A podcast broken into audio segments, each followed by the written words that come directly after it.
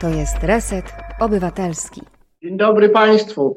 E, premiera dzisiejszego odcinka Mondrali ma miejsce 17 września 2021 roku. Mówię to do osób, które nas oglądają 13 lutego 2024 roku. E, pozwólcie Państwo na małe mm, intro. Mm, chciałem pochwalić e, naszą stację i naszą audycję. Może zacznę od stacji. Stacja Reset Obywatelski e, bardzo się rozbudowuje. W zasadzie już ma nową siedzibę, studio nadające profesjonalny sygnał. Myślę, że za 2-3 tygodnie będę słyszalny znacznie lepiej, bo będę nadawał z tego studia. E, będą też być może niedługo nowi prowadzący, więc nasze radio się bardzo rozwija, a nasz program e, rozwija się bardzo systematycznie z tygodnia na tydzień. Za każdym razem gościmy mm, innego polskiego intelektualistę e, bądź twórcę, no i sobie bardzo swobodnie i długo rozmawiamy. Na tym polega program Mondrale w każdy piątek od 17 do 19. E, nasze audycje są sponsorowane, e, nie puszczamy reklam i utrzymujemy się z e, Państwa datków, za które bardzo dziękujemy i o które prosimy. Takie datki można składać na zrzutce albo na Patronite. Są też stali sponsorzy, których nazywamy producentami. Bardzo dziękuję panu Pawłowi z Rabarbaru oraz drugiemu panu kryjącemu się za nikiem obrus, który został zaproszony na obiad, jeśli się dobrze nauczyłem. E, niki e, są używane dlatego, że no nie jest takie zupełnie pozbawione wszelkiego ryzyka e, sponsorowanie mm, wolnego medium, a jesteśmy medium rzeczywiście wolnym, rzeczywiście od nikogo niezależnym, od żadnego nawet wydawcy, Mm, od żadnych reklamodawców, od żadnych udziałowców i tak dalej. I to jest nowa wartość na rynku. Bardzo wielu dziennikarzy tworzy małe media tego rodzaju. E, zakładamy, że w przyszłości no, taki patchwork małych mediów obywatelskich zastąpi e, mainstream, który powoli się zwija. Tyle ale tytułem wyjaśnień i autoreklamy, a teraz przejdę do, do prezentacji naszego E, wybitnego gościa. Mam przed sobą jego stronę internetową na Uniwersytecie Adama Mickiewicza. Pan profesor Krzysztof, Krzysztof Moraczewski e, jest e, szefem pracowni badań nad kulturą artystyczną na kulturoznawstwie na UAM-ie. Ma zdjęcie z pieskiem, to od razu widać, jakiego rodzaju jest człowiekiem. Jest kulturoznawcą oczywiście, ale w szczególny sposób zajmuje się muzyką, teorią muzyki, muzykologią, jak to nazwać, socjologią muzyki. E, sam pewnie powie, jakby to mm, określił. To może nie jest aż tak ważne, jak tą dyscyplinę określimy. W każdym razie e, y, jest panem od muzyki i znany jest e, jako niebywały wprost erudyta. Myśmy sobie troszkę teraz e, nie znamy się osobiście, e, ale gawędziliśmy sobie troszkę przed wejściem na antenę. Mogę Państwu zdradzić, że profesor pisze mm, książkę popularną, ale jednocześnie też równolegle naukową o historii rocka. A przecież zwykle zajmuje się zupełnie innymi rodzajami muzyki. E, ja może dwa tytuły jego książek przeczytam: Cultural Theory and History, Theoretical Issues, E, czyli teoria kultury, mm, a e, historia, kwestie teoretyczne. No i chyba mm, jego dotychczasowe, dotychczasowy opus, dotychczasowe opus magnum, sztuka muzyczna jako dziedzina kultury, próba analizy kulturowego funkcjonowania zachodnioeuropejskiej muzyki artystycznej.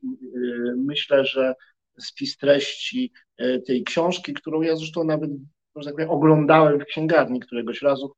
E, najlepiej zdaję sprawę z jego zainteresowań. E, ja myślę sobie, żeby tak tę rozmowę poprowadzić, że ja będę zadawał naiwne pytania, a pan profesor będzie dawał bardziej uczone odpowiedzi. Taka formuła wydaje mi się najbardziej stosowna w przypadku tak ra rażącej różnicy mm, kompetencji. Łączy nas jednakowoż pewnie to, że obaj mm, kochamy muzykę, tylko kochać można kompetentnie bądź nie.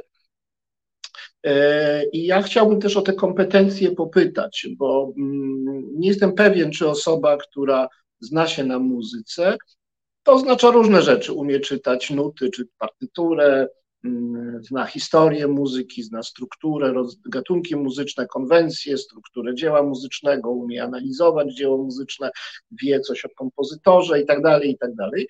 Czy osoba, mm, w każdym razie bardziej czy mniej kompetentna, mm, kształcona muzycznie, słyszy coś innego niż e, zwykły słuchacz? Bo E, jest bardzo wielu słuchaczy, którzy są namiętnymi melomanami, ale no, tak zwyczajnie i po prostu niewykształconymi. Oni tylko słuchają, nic nie czytają. E, coś tam czasem ktoś e, zapowiada jakiś utwór, to coś tam powie i, i, tak, taka osoba coś zapamięta lub nie no wiedzą, że był Bach i był Beethoven i był Mozart i umieją nawet odróżnić, ale nie zadają sobie trudu, żeby pamiętać jakieś dzieła albo coś dokładniej wiedzieć na ten temat. No po prostu się nie znają, ale bardzo dużo słuchają.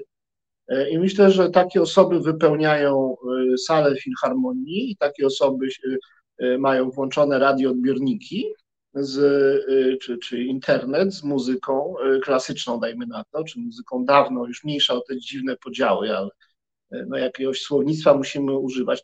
Więc ja bym chciał zapytać na początek pana profesora o to, mm, o, o kompetencje odbiorcy i no, jak się mamy czuć jako zwykli odbiorcy, niekompetentni, no, z tym naszym jakby nierozumieniem, czy bardzo takim e, naiwnym, intuicyjnym podejściem do, do muzyki, ta nasza receptywność, odbiorczość jest taka E, no, niezapośredniczona ani teoretycznie, ani w ogóle e, w jakichkolwiek e, pojęciach czy, czy, czy wiedzy.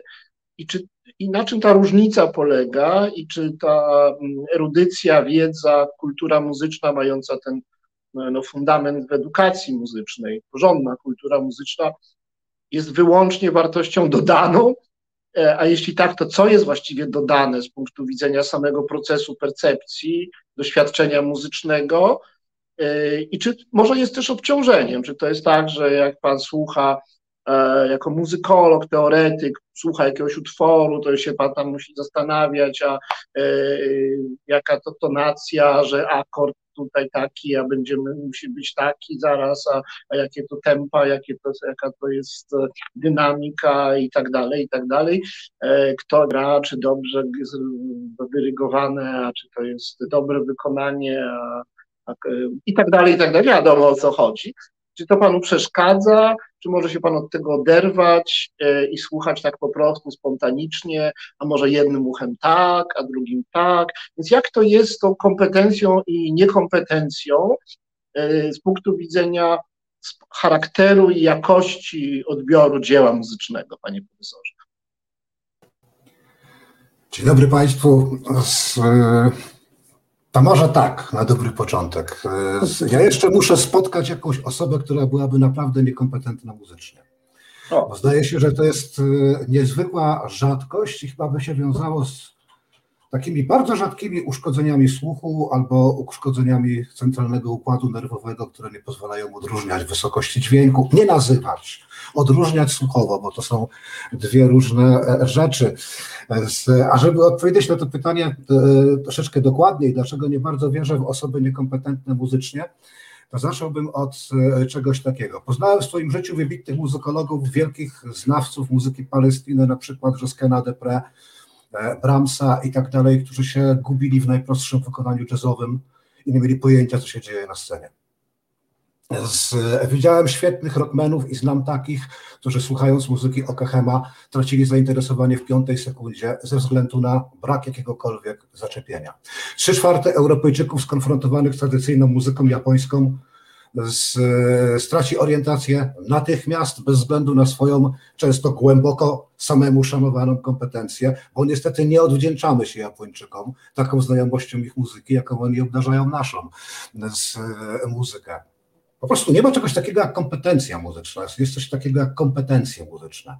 Każdy z nas żyje w jakichś muzycznych wspólnotach, z, w których gusta i inne rzeczy układają się w taki czy inny sposób i kształtuje mu się pewien typ kompetencji muzycznej. Pytanie chyba dotyczy tego bardziej, czy, e, czy z, uznajemy ciągle pretensje pewnego jednego tylko typu kompetencji muzycznej, żeby się prezentować jako wyłączne. Z, I czy naprawdę musimy wierzyć wyłącznie w to, że ktoś, kto posiada klasyczne europejskie wykształcenie muzyczne, wszystko jedno, formalne czy nieformalne. Chodzi o jego wiedzę, umiejętności i tak dalej, a nie o papiery, jakim się może ktoś legitymować. Czy jest on reprezentantem jedynej możliwej formy kompetencji, której ma się na przykład podporządkować teksański bluesman z, albo tradycyjny muzyk nigeryjski, z, czy, czy ktokolwiek e, inny. To, co mówię, to nie jest żadna rewolucja ani nic bluźnierczego, to jest raczej o, wiedzy o muzyce najbardziej banalna rzecz, która jest wyrażana takimi maksymami, które się stały banałami muzykologii, etnomuzykologii i tak dalej. Czyli jak mówił to kiedyś muzykolog Egebrecht, tragedią języków europejskich jest to, że słowo muzyka posiada w nich najczęściej tylko liczbę pojedynczą, podczas gdy potrzebowalibyśmy słowa muzyka w liczbie mnogiej, żeby oddać sprawiedliwość temu, jak to zwykle wygląda, czy takie sławne powiedzenie etnomuzykologiczne, że muzyka jest uniwersalna, ponieważ nie znamy żadnej grupy ludzkiej, która by nie uprawiała muzyki, ale jej znaczenie już nie. I tak łatwo się między jedną a drugą grupą ludzką, e, ludzką nie z, e, przenosi. Oczywiście w każdą formę muzyki można wejść głęboko, płytko i tak dalej. My jeszcze dziedziczymy takie przekonanie XIX-wiecznego mieszczaństwa niemieckiego, że kompetencja muzyczna, ta wysoka, artystyczna, europejska jest jakimś sprawdzianem tego, czy naprawdę się podjęło, podjęło na serio wysiłek edukacji. Tak jak to można było traktować pod koniec XIX wieku w Niemczech, że jeśli ktoś nie rozumie kwartetów smyczkowych, Johannesa Brahmsa to jest dowód na to, że nie przeszedł wysiłku Bildung, budowania, kształtowania samego siebie, ponieważ muzyka była, zwłaszcza w krajach niemieckojęzycznych, traktowana jako sprawdzian tego, czy na serio się do tego kształtowania siebie, z kształtowania siebie z, podeszło.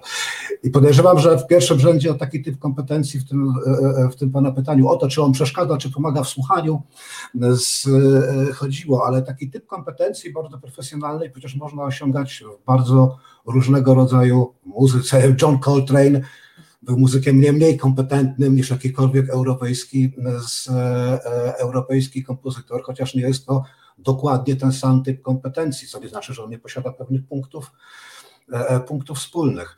E, najmniej przeszkadza ten podstawowy typ kompetencji, który mi się wydaje najważniejszy, a dzisiaj jest najbardziej zaniedbany.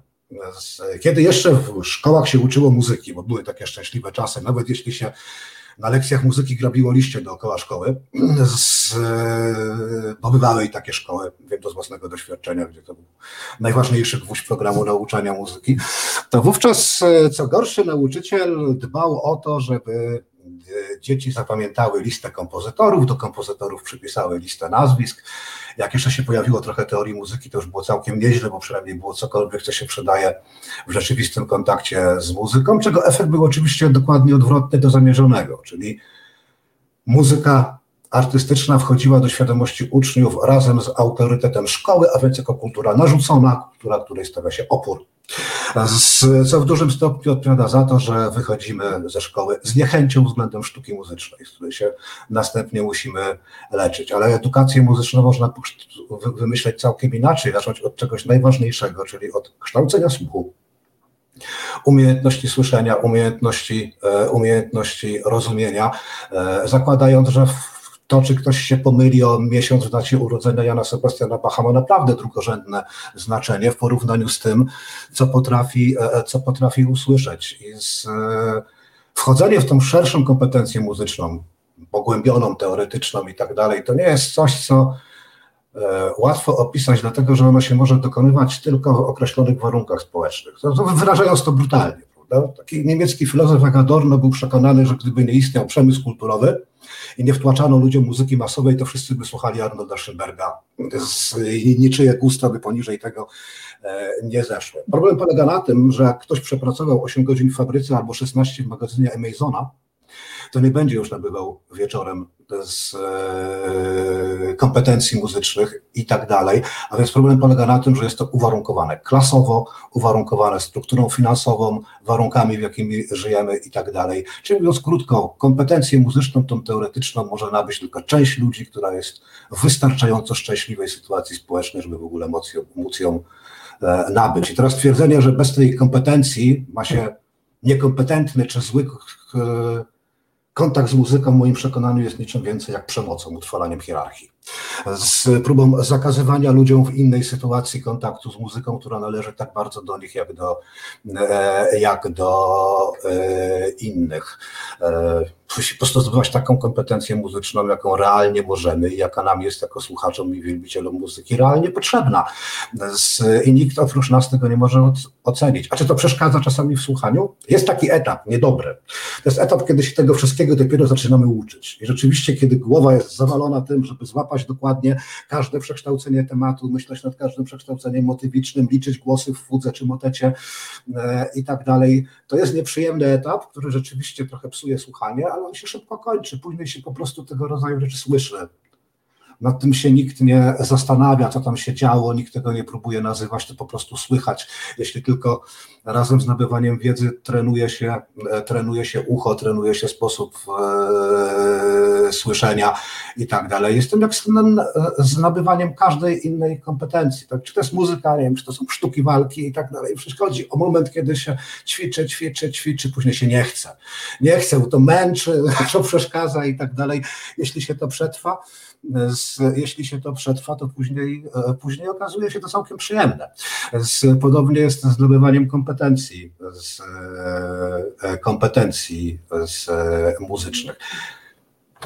No, ale i mimo wszystko słowo kompetentny jest pozytywnie waloryzujące, słowo niekompetentny jest nacechowane negatywnie, więc to raczej dobrze mieć te kompetencje, no zwłaszcza jak człowiek o muzyce, nie wiem, mówi, E, więc jakąś różnicę to stanowi, no i również mimo całego demokratyzmu i otwartości na różne gatunki muzyki, ja rozumiem, że pan takie bardzo demokratyczne stanowisko mm, przyjmuje, bardzo sceptyczne wobec e, hierarchii, wobec wszelkiego takiego dogmatyzmu kulturowego, e, jakiejś takiej kulturowej przemocy, suprematyzmu. Ja to wszystko rozumiem, no niemniej jednak Y, waloryzowania, wartościowania nie unikniemy, nie możemy poprzestać wy, wy, wyłącznie w wartościowaniu na oddzielaniu demokratów od przemocowców kulturowych. E, no więc tak czy inaczej będzie muzyka dobra i zła, czy lepsza i gorsza, udana, e, nieudana. Panie profesorze, tak w ostatecznym rozrachunku, zbywając się wszelkich uprzedzeń, odnośnie do e, e, określonych kultur, epok, klas społecznych, pomijając już takie wartościujące i niesprawiedliwe hierarchizacje muzyki, nie wiem, artystycznej, nieartystycznej, użytkowej, klasycznej, nieklasycznej, popularnej, niepopularnej, masowej, niemasowej. Jak to wszystko zawiesimy, ujmiemy w nawias, to mm, co pozostaje jako rezyduum, e, co jest wyznacznikiem tego, że muzyka jest dobra bądź zła? Czy to jest kunszt wykonawczy, czy to jest jakaś szczerość, czy to są jakieś wewnętrzne mm, własności utworu, pewna jego konsekwencja kompozycyjna, świadomość twórcza zarówno kompozytora, jak i wykonawcy. E, jakie czynniki stanowią o tym, że dana muzyka, niezależnie od gatunku, epoki, jest muzyką dobrą, a inna jest nieudaną muzyką? E, jest to pytanie, w którym za prawidłową odpowiedź powinno się dostać Nobla. Więc e, w związku z tym, że jak każdy potrzebuje dużych zastrzyków finansowych, spróbuję udzielić prawidłowej odpowiedzi. Tak, tak postawione pytanie. Ale tutaj e, to już nie będzie wypowiedź badacza, tylko to będzie wypowiedź moja w moim własnym imieniu. Tak? Jak każdy, kto się zajmuje muzyką naukowo, jestem też słuchaczem, wielbicielem muzyki, który został ukształtowany w jakimś świecie muzycznym do którego jedne rzeczy muzyczne e, przemawiają, a, dru- a, a, a inne nie. Z, e, to nie znaczy tak, że moja praca naukowa nie ma wpływu na to, jak słyszę muzykę. Ma bez wątpienia, ale nie chciałbym tego tak po prostu, e, tak po prostu utożsamiać. Co to jest muzyka dobra, to ja panu odpowiem najkrócej, jak się da. Johann Sebastian Bach. To jest absolutny wzór dla mnie tego, czym jest dobra, z, czym jest dobra muzyka. E, dobrze wiem, że nie tylko dla mnie, więc e, może z, najprościej jest mi zastanowić się, na czym polegają te szczególne właściwości muzyki Bacha, żeby zrozumieć, czym jest dla mnie dobra muzyka, skoro tego, e, ta, ta właśnie muzyka tak, a nie inaczej dla mnie występuje. Powiedziałbym tak, że dla mnie największą siłą muzyki Bacha jest rozwiązanie czegoś, co u wielu mniejszych twórców występuje jako sprzeczności, opozycje i tak dalej, czyli kunszt czy spontaniczność, ekspresja czy doskonałość formalna. U tych największych, u Bacha, u późnego Beethovena, u Bartoka po prostu nie istnieją takie opozycje. To wszystko się, e, to wszystko się spotyka w jednym stanowi jeden pojedynczy akt. W ostatnich kwartetach smyczkowych Beethovena, jak w pasjach Bacha, kształtowanie formalne i emocje są nie do oddzielenia. To, czego doświadczamy emocjonalnie, jest efektem tego, co się dzieje w formie. W formie. I wszystko jedno, czy potrafimy to nazwać, czy e, nazwać tego, e, tego nie potrafimy. Tak ta muzyka jest po prostu, z, e, po prostu zbudowana. Myślę więc, na to składa się kilka elementów. Dla mnie taką pierwszym tym elementem jest swoista całościowość doświadczenia. To, że nie mam wrażenia słuchania z muzyką zredukowaną do jednego jej wymiaru. Że mianowicie staje się ona na przykład tylko nagą strukturą i niczym więcej. Tylko nagą emocją, bo wtedy się przeradza w kicz. To niezwykle łatwo, czasami jest to wręcz trudne, e, e, e trudne do zniesienia, że dokonuje ona swoistej syntezy. A drugim takim elementem jest coś, co Wie pan, dla mnie jako dla przedstawiciela nauk społecznych e, muzyka jako przedmiot badania to jest przede wszystkim produkt określonego społeczeństwa. Muzykę robią ludzie, dla ludzi, w ludzkich warunkach. Ale problem polega na tym, że to, co muzyce najbardziej udane, potrafi te swoje warunki powstania przekraczać, odrywać się od nich, nabierać samodzielnego życia. I pan jako filozof ma bardzo wiele terminów, żeby dokładnie ten proces transcendowania warunków powstania opisać, nazwać e, i tak dalej. Wydaje mi się, że jest to jedna z dla mnie jedno z najważniejszych kryteriów muzyki rzeczywiście dobrej, czy potrafi ona przetrwać rozpad własnych okoliczności, rozpad przypadkowych okoliczności, które powołały ją do życia, funkcji, którym, e, którym służyła i tak dalej. Tak Bach mógł napisać wariacje goldbergowskie, żeby arystokracie łatwiej było zasnąć. Co nas to obchodzi? Jest to pewien szczegół historyczny, anegdota i nic więcej, ponieważ wariacje goldbergowskie zupełnie nie pozwoliły się pochłonąć warunkom swojego, z, e, e, warunkom swojego powstania. E, myślę, że bardzo wiele muzyki ma tego rodzaju moc. Fakt, że potrafimy słuchać z fascynacją na przykład hindustańskich mistrzów ragi, często nie rozumiejąc kontekstu religijnego, symbolicznego i tak dalej, świadczy o, to, że, o, o tym, że taki Wilayat Khan potrafił wykonywać ragę w taki sposób, że również pozwalał jej przekroczyć wszystkie lokalne, z, e, lokalne warunki. To jest element tego paradoksu, paradoksu właśnie, który się e, e, zawiera pomiędzy, pomiędzy kulturową przygodnością muzyki, która jest specyficzna dla czasu, miejsca, określonej wspólnoty i tak dalej, jej zdolnością do uniwersalizacji. Jest jak to mówi się w antropologii w formie takiego banału, że największy problem antropologii jest zawsze rozwiązać pozorną sprzeczność, która tkwi w tym, że kultury są nieporównywalne, wzajemnie nieprzekładalne, języków się nie da porównać, systemów wartości się nie da porównać, a jednocześnie, i to jest jednocześnie prawda, ludzie są zasadniczo wszędzie i zawsze tacy sami. I dopiero kiedy się uwzględni oba te czynniki i grę między nimi, to można mieć jakikolwiek dostęp do ludzkiej rzeczywistości, a nie kiedy się próbuje wydobyć i usamodzielnić z, jeden z nich. Myślę, że w muzyce się dzieje coś podobnego i największym znamieniem jakości muzyki jest umiejętność uruchomienia tej gry przekroczenia tego wszystkiego, co ją początkowo e, definiowało. Z, dlatego też mój gust się może wydawać eklektyczny, bo on jest w małym stopniu kierowany etykietkami, jakie znajdziemy w Empiku na półkach, a bardziej e, moją bo to jest oczywiście e, także pytanie, kiedy ja jestem to w stanie rozpoznać, kiedy to do mnie przemówi, ale moją zdolnością do uchwycenia tej muzyki jako czegoś, co mi samo przez się chce coś powiedzieć, a nie domaga się, żebym szukał nie wiem, okoliczności powstania ideologii politycznych, jakie za tym stały i tym podobnych rzeczy z, i tak dalej. No, muszę powiedzieć, że jestem zaskoczony pańską odpowiedzią, bo na tle tych e, demokratycznych, uniwersalistycznych e, deklaracji, e, odwołanie się w odpowiedzi na pytanie, co to jest dobra muzyka, do po prostu przykładów, wzorców, takich paradygmatycznych kompozytorów, już samo w sobie jest gestem konserwatywnym.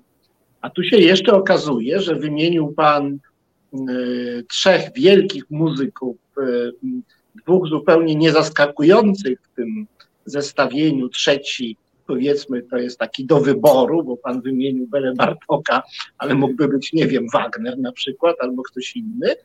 E, I oni wszyscy no, należą do jednego systemu muzycznego. No, no nie wszyscy są klasykami, no bo trochę Bach jest starszy, ale to jest ten system durowo-molowy, ta epoka z grubsza jedna europejskiej muzyki, z grubsza to samo instrumentarium, te same problemy muzyczne, e, te same formy, które się rozwijają i dochodzą do najwyższej doskonałości, najpierw u Bacha, potem jeszcze może są bardziej rozwinięte u, u Beethovena i oni są ze sobą wszyscy powiązani taką relacją e, e, no, doskonalenia, e, należą do jakiejś jednej linii rozwojowej.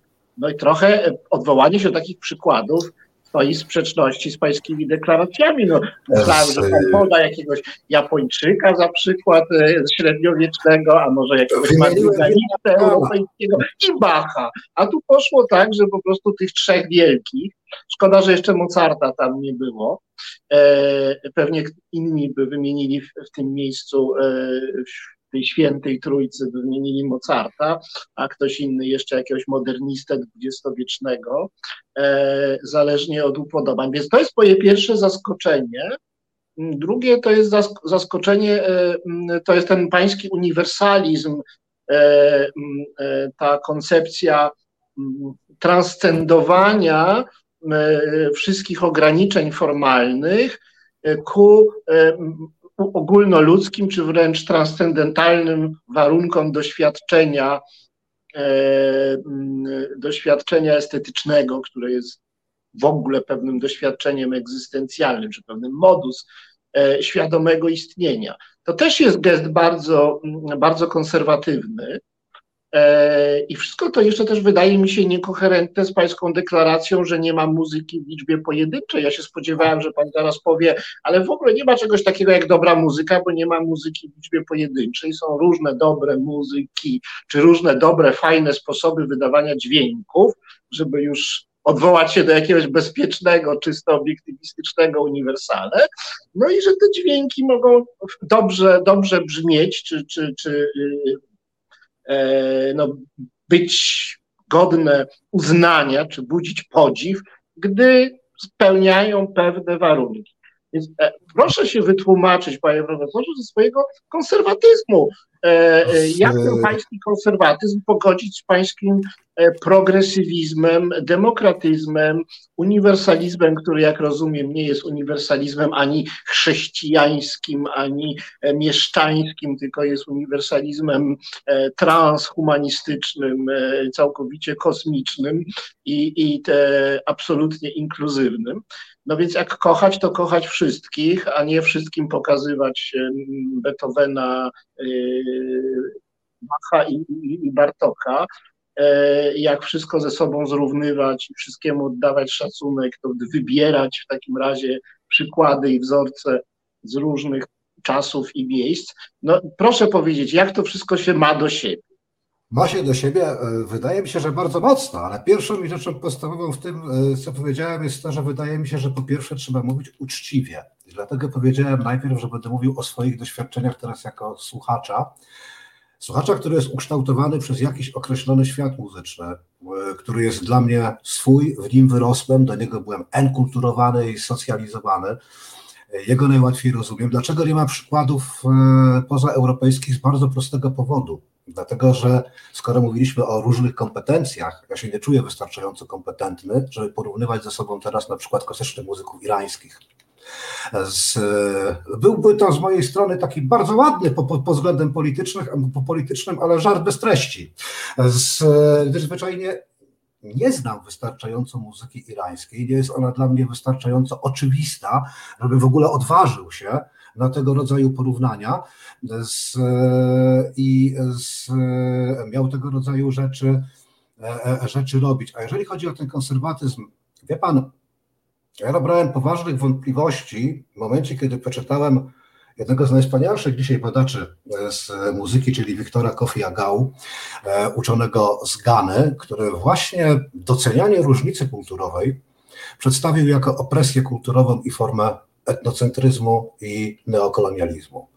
Mówiąc, że wymyśliliście inne sposoby bycia człowiekiem, inne formacje kulturowe i inną muzykę, która się w ogóle nie spotyka z waszą, po to, żeby nas Afrykę z głowy.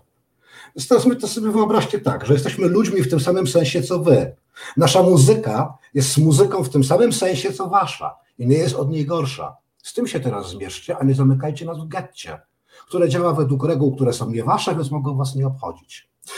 Z, to jest spojrzenie z wnętrza Afryki, tak? z, ze strony wybitnego badacza, który będąc badaczem zarówno europejskiej muzyki artystycznej, jak i przede wszystkim tradycyjnej muzyki afrykańskiej, jednocześnie w ogóle nie wierzy w tego rodzaju dyskurs osobnych światów, które miałyby się, e, które miałyby się nie przecinać. I nie mówię teraz, nie chodzi mi o to, czy Kofi Agawu ma rację, czy nie, tylko o to, że e, z, o to, że ideologia różnicy kulturowej stała się dla nas w pewnym momencie za łatwa. Jest czymś e, pewnym sposobem, w jaki łatwo odhaczamy swoją własną poprawność polityczną i mamy e, to troszeczkę z, z głowy, a przynajmniej tak potrafi być e, oceniana z nieeuropejskiego punktu, e, punktu widzenia. Przypomina też się też taka w Warszawie dyskusja z kilkoma Japończykami, suto zakrapiana, bo Japończycy mają pod tym względem obyczajowość zbliżoną do polskiej, z, gdzie w pewnym momencie pewien Polak oczywiście zaczął płakać nad tym, jak to zaniknęła tradycyjna Japonia, już nic nie zostało i sprowokował jednego Japończyka do krótkiego pytania, a kto chce tradycyjnej Japonii? Wy, żebyście mieli skansen. Nie będziecie do nas jeździć sobie, robić zdjęć przy samurajach. Nie jesteśmy muzeum dla Europejczyków. Z, e, japoński ogląd e, tego pielęgnowania różnicy był zatem też zupełnie e, zupełnie inny. Ja tutaj nie widzę sprzeczności, dlatego że mówiąc o różnorodności światów kulturowych, z, nigdzie nie twierdziłem, że przynależę do nich wszystkich jednocześnie. W każdym z nich mam się czuć odpowiednio dobrze i w dodatku być odpowiednio, odpowiednio kompetentny. Wydaje się, że w teorii kultury pierwszym, najważniejszym obowiązkiem, którego wcale niekoniecznie się musi przełożyć na to, że wyjdzie z tego publikacja czy coś, ale który trzeba zrobić dla swojego porządku, jest antropologia siebie zrozumienie tego, co nas samych określa, jak to może określać nasz sposób, e, sposób myślenia e, i tak dalej. Ja taką antropologiczną analizę siebie oczywiście musiałem zrobić i dlatego między innymi wiem, że nie ma co udawać, że nagle stanę się człowiekiem ze świata muzyki na koto, albo mongolskiej muzyki na jadga, którą mogę podziwiać tylko z zewnątrz. Przez własną biografię jestem człowiekiem podwójnie, jestem człowiekiem muzyki europejskiej, artystycznej i człowiekiem jazzu i bluesa. To są świata muzyczne, w których czuję światy muzyczne i ich pochodnych. To są światy muzyczne, w których czuję się bardzo e, dobrze. No i dlaczego miałbym nieuczciwie szukać wzorców, które podziwiam tylko z zewnątrz? Ja ich nie neguję, zupełnie nie o to, e, e, nie o to e, chodzi. Z, a jeśli repertuar przykładów jest niewystarczający, to dodam jeszcze że wymieniłbym jeszcze wśród tych, którzy naprawdę przyprawiają mnie o akty zachwytu z Johna Coltrane'a i Franka Zappę na przykład, z, których uważam za e, należących do najlepszych muzyków ubiegłego stulecia, jacy się w ogóle z, e, pojawili. Więc Nie tylko Bach. Gdyby pan został profesorem mm, Uniwersytetu Akademii Muzycznej imienia Paderewskiego, mm, nie Paderewskiego, Pendereckiego w Krakowie, to z tej apoteozy Zappy być może musiałby się pan tłumaczyć przed swoim dziekanem. Nie wszędzie jeszcze zapanowała taka aksjologiczna otwartość. Jak najbardziej podzielam tę skłonność do przeskakiwania murów i przezwyciężania wszelkich uprzedzeń, które dzielą ludzi i dzielą gatunki sztuki, ale mimo to upieram się przy pewnej mm, hierarchiczności. Każdy, kto próbuje nawet zasugerować delikatnie, że jest jakaś hierarchia, mm, no poza hierarchią powiedzmy wykonań, poza e, być może w jakimś stopniu hierarchią kompozytorów w ramach poszczególnych gatunków, ale hierarchia taka międzygatunkowa, no, każda sugestia w tym kierunku e, naraża człowieka na poważne nieprzyjemności. E, no bo takie mamy czasy, że świat demokratyczny dopiero budujemy, no i tą równość trzeba trochę, tej równości pomóc, więc trzeba trochę przystrzygać tam, gdzie coś wystaje, trochę równać najlepiej w dół, bo łatwiej w dół niż w górę. E, no więc ci, którzy są rzecznikami jakiejś hierarchii, od razu automatycznie są identyfikowani jako rzecznicy nieuzasadnionych przywilejów i no, spotykają się z no, pewną dyskryminacją. W każdym razie dyskryminacja w tym punkcie jest bardziej uprawniona niż w jakimkolwiek innym. E, wydaje mi się jednakowo, że przy całym swoim mm, egalitaryzmie e, e, tkwi pan w pewnego rodzaju pułapce dialektycznej. Mm, bo no, chciałoby się wskazywać różnice po to, by je potem znosić, a jako, że znoszenie różnic jest gestem, no zawsze gestem jakiegoś rodzaju przemocy, no bo jest jakimś zamachem na tożsamość i ktoś jest tego gestu autorem, no to potem trzeba ten gest zdekonstruować, jakoś wycofać się z niego czy unieważnić. E, no więc możemy tak robić, że powiemy, że no są różne kultury i nie będziemy ich ze sobą porównywać jeden do jednego, trzeba się szanować, no ale ja mam prawo siedzieć w swojej uprzejmości, nie będę komentował innych. Potem ktoś zauważy w ramach tego dialektycznego procesu, że to może jest protekcjonalne, a może to jest jakieś ukryte lekceważenie, że to tak nieładnie, jak mamy się bratać, to też tak się nie bardzo, to się tak nie dzielmy i nie krygujmy między sobą. E, e, no więc wracamy do takiego uniwersalizmu, no ale potem pojawia się myśl, że uniwersalizm e, niszczy płoty i, i nikt nie jest u siebie w domu, tylko wszyscy są na polu. E, więc trzeba by odtworzyć te różnice. No i pan to jest na tym etapie i pan odtwarza różnice, e, e, biorąc to na siebie. Ale to jest tylko moja prywatna różnica. Ja nie pretenduję do nadania jej wartości poznawczej, uniwersalnej, społecznej. Ja po prostu lubię to, przepraszam, jak to wykonałem. To jest mój świat. No ale oczywiście są, e, dialektyka się nigdy nie kończy, to jest tak jak ten chomik, który chodzi w tym kółeczku, no tak, tak chodzić w kółeczku dialektycznym, no to przyjdzie następny, taki na przykład Hartman i powie panu, że pan tutaj uprawia przemoc prywatyzacji, bo pan sobie prywatyzuje swoje sądy i nikomu nic do pańskich sądów, pan nie, nie e, e, że tak powiem, nie, nie dopuszcza się przemocy na, na, na innych, w związku z tym i staje się pan nietykalny, jako nietykalny jest pan uprzywilejowany i tutaj pan mógł prywatnie mówić, że pan lubi Bacha, bo się pan na Japończykach nie zna. No i przyjdzie zaraz następny, który powie, że e, Hartmann jest mącicielem i przeszkadza w procesie budowania rzeczywistego, e, wielokulturowego e, społeczeństwa i wciska dialektykę tam, gdzie jej nie ma, w każdym razie zbyt ostro zarysowuje jej, jej kolejne etapy. I tak dalej, i tak dalej, w nieskończoność. E, myślę, że wyczerpałem już wszystkie możliwości, które są, no powiedzmy, publicznie dostępne, więc chyba lepiej się e, z dialektyki wypisać. Ja bym chciał, e, bo zaraz przejdziemy do piosenki po mojej wypowiedzi, do pierwszej piosenki, więc ja bym bardziej ogólnie chciał zapytać właśnie o pułapki, niebezpieczeństwa związane z no, intelektualnym identyfikowaniem czegoś takiego jak kultura. Tak się stało w naukach społecznych i humanistycznych w XIX wieku, że trzeba było dostrzec wytwórczość symboliczną w różnych obszarach i kulturę jako świat e, stworzony przez człowieka, świat e, e, przepojony ekspresjami, wartościami, dziełami sztuki, dziełami politycznymi i tak nauki się ustawiły w takiej pozycji mm, dwuznacznej, takich penetratorek kultury, wnętrza kultury, szukając jakichś dystansów poznawczych, jakiegoś punktu refleksji, e, który byłby nie, niepartykularny, nie, nie, nie przemocowy, jak się w tym wszystkim przemoczą. No ale to jest problem naukowców i ja im bardzo współczuję, bo ja w ten paradygmat w ogóle nie wchodzę, ale to jest też problem ludzi.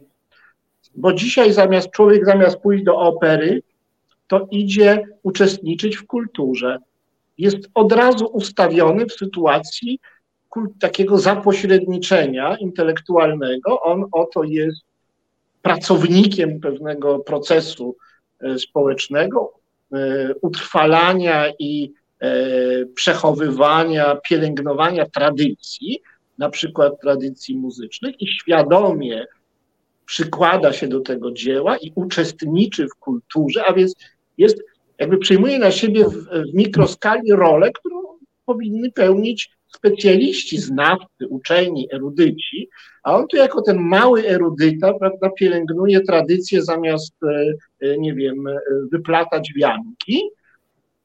Jako mały erudyta idzie do opery i uczestniczy w kulturze, mm, zamiast po prostu miło spędzać wieczór.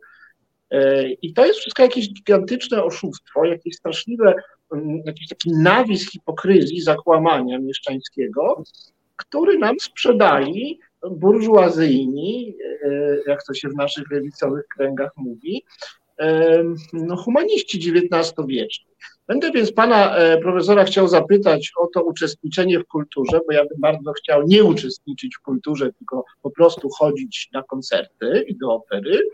I będę chciał zapytać, co zrobić, żebym już mógł tak normalnie, żeby mnie może zwolniono z kultywowania tradycji i, i, i, i pielęgnowania czy uczestniczenia w kulturze, ale to wszystko po pierwszej piosence. Bardzo prosimy panią o, na, o zagranie nam czegoś. Słuchasz Resetu Obywatelskiego. Reset Obywatelski działa dzięki Twojemu wsparciu. Znajdź nas na zrzutka.pl. Witam Państwa e, w drugiej części programu Mondrale, nadawanego e, na żywo dzisiaj, 17 września 2021 roku.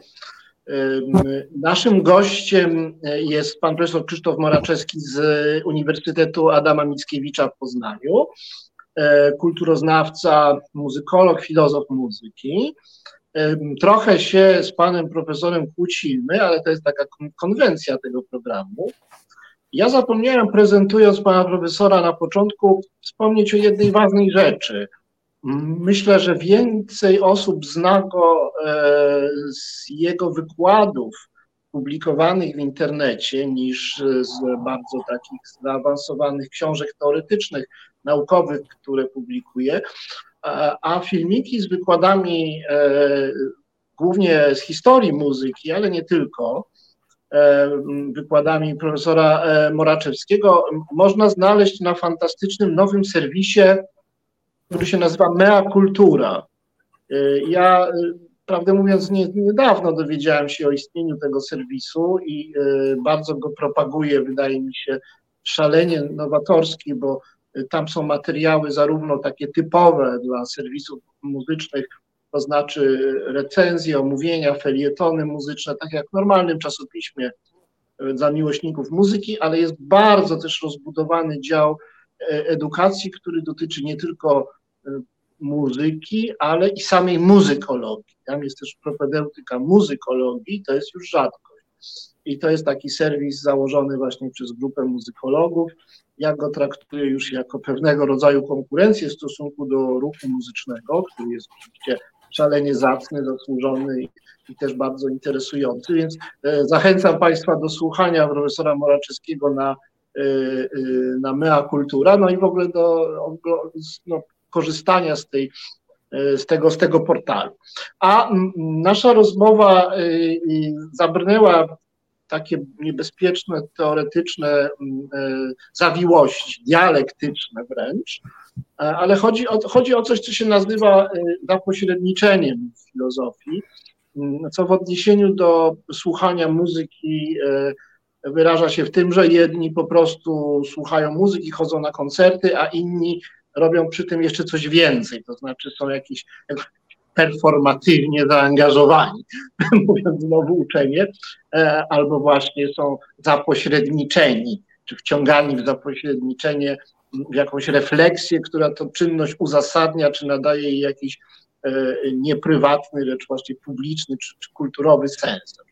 Chodzą na koncert, ale to jest coś więcej niż prywatny akt, bo to jest właśnie uczestnictwo w kulturze, albo nie wiem, to jeszcze propagowanie kultury muzycznej, albo nie wiem, samorozwój, e, e, albo powiedzmy e, wykonywanie czynności charakterystycznych i typowych dla pewnej grupy społecznej, dajmy na to wyższej klasy średniej. Czyli do wszystkiego jest dorabiana jakaś filozofia. I tam, gdzie jest dorabiana ta filozofia i człowiek ma jakąś świadomość, że uczestniczy w jakiejś filozofii, czyli robi coś innego niż po prostu mm, słucha muzyki na przykład, czy ogląda obrazy, e, y, to mówimy o, o, o zapośredniczeniu. No jest czymś o tyle złym, że jeżeli to jest, nic z tego nie wynika, żadna głębsza, e, dalsza refleksja, to to jest po prostu y, jakieś nieautentyczne. E, a przeciwieństwem tego zapośredniczenia jest E, no bezpośredniość, naturalność, spontaniczność. No i teraz ci zapośredniczeni są protekcjonalni wobec tych spontanicznych, no proszę, to tacy prości ludzie, oni nie wiedzą, że kultywują tradycję, tylko właśnie kultywują tradycję bezwiednie, no może powinniśmy ich wybić z tej nieświadomości, ale może nie powinniśmy jej robić tej krzywdy. No, jesteśmy w każdym razie pułapce protekcjonalizmu i pan profesor Moraczewski, to nie jest jego wina, troszkę w tą pułapkę e, wpadł, no bo każdy kulturoznawca, strażnik zapośredniczenia, teoretyczności, refleksyjności, no krótko mówiąc, no, no, znaczy sam zastawia tę pułapkę, sam w niej siedzi, a w każdym razie waruje przy tej pułapce, no i ona go więzi tak czy inaczej, z zewnątrz czy wewnątrz. No więc pytam pana profesora, jak to jest, czy y, y, można jeszcze, czy można liczyć na to, że w tym świecie, w którym wszyscy uczestniczą w kulturze, a nikt nie chodzi na koncerty, e, czy można zachować autentyczność, spontaniczność, normalność? Wszystko to są terminy e, dające się teoretyzować. Bardzo przepraszam, to nie jest moja wina, ale mam nadzieję, że pan profesor Moraczewski nie jest teoretykiem normalności i spontaniczności i że nam po prostu da odpowiedź doświadczenia swojego, czy może są takie miejsca, gdzie można nieteoretycznie, niesnobistycznie, e, niekulturowo po prostu pójść na koncert. Zrobiliśmy kiedyś coś takiego z, w Poznaniu. Chcieliśmy zrobić mały koncert z paroma zaprzyjaźnionymi muzykami, z, który byłby poświęcony muzyce, której podobno nikt nie chce słuchać. Z, czyli awangardowej muzyce drugiej połowy XX wieku, wciągając do takich ludzi, kompozytorów jak Lachenmann i tak dalej, a więc skrajną awangardę. Nikt na to do filharmonii nie przyjdzie, więcej jeszcze dyrektor może stracić posadę po takim koncercie, to nawet tego lepiej, e, e, lepiej nie próbować. I zwróciliśmy się do publiczności niemuzycznej. Zamiast zrobiliśmy to w niemuzycznym miejscu, które się w ogóle z muzyką nie kojarzyło, plakaty, afisze i tak dalej poszły w miejsca, gdzie słuchacze muzyki się nie pojawiają. Nie skorzystaliśmy z żadnych muzycznych kanałów promocji i tak dalej. Okazało się, że najpierw ludzie walili drzwiami i oknami. Nasze, nasza sala okazała się śmiesznie za mała. Większość ludzi została na zewnątrz, a podobno miało przyjść maksimum 7 osób, bo Poznań podobno nie ma więcej osób zainteresowanych tego rodzaju muzyką. Po czym koncert się nie mógł skończyć, ponieważ każdy miał 30 pytań do muzyków obecnych na sali, także niektórych kompozytorów i to się ciągnęło później godzinami, nieformalnie i tak dalej. I zupełnie nie miałem wrażenia, żeby cokolwiek tam było niespontaniczne z, żeby ktokolwiek przyszedł uczestniczyć w kulturze. Ludzie przyszli, przyszli na ten koncert, ponieważ kompletnie nie wiedzieli, kim są ci muzycy. Nic im nie mówiły te nazwiska i byli tak zainteresowani tym, co tam można usłyszeć. Później tak zaskoczeni tym, co usłyszeli, z, ale zachowali taką bazową otwartość. Nie zareagowali jak słuchacz filharmoniczny, któremu się uruchomiła etykietka muzyka współczesna, nienawidzę muzyki współczesnej z, na przykład, tylko nagle, nagle im się okazało, że muzyka może być czymś zupełnie innym niż wydawało im się jeszcze półtorej godziny wcześniej. I że to coś zupełnie innego może być niezwykle interesujące. Z, więc można, jak najbardziej można prowokować tego rodzaju doświadczenia, którym nie braknie autentyczności e, i tak dalej. Mi się wydaje, że prawdziwe zagrożenie wcale nie tkwi w tym, co robią nauki o kulturze, bo nauki o kulturze się obracają gdzieś tam między tym, że rzeczywiście niszczą nasze doświadczenie, ponieważ je racjonalizują, teoretyzują, wykładają i tak dalej, ale przecież wszyscy jesteśmy zawieszeni podwójnie i w naszym codziennym życiu przechodzimy dość łatwo między taką postawą autentycznego zaangażowania, a e, tego podwojenia, prawda, świadomościowego, że jesteśmy robiącymi i tymi, którzy jednocześnie interpretują tego, kto robi. Wystarczy, że się porządnie zdenerwujemy albo się porządnie spijemy, no, żeby ten wewnętrzny cenzor nam się bardzo łatwo, e, bardzo łatwo ulotnił ja znam więcej uczonych, którzy nie zwykli stosować tej refleksji nigdy do siebie, niż takich, którzy mają problem z zachowaniem autentyczności. To się rzeczywiście, to się rzeczywiście zdarza. Myślę, że prawdziwe zagrożenie tkwi gdzie indziej. Są takie formy muzyki, dla których autentyczność doświadczenia jest czymś najbardziej fundamentalnym.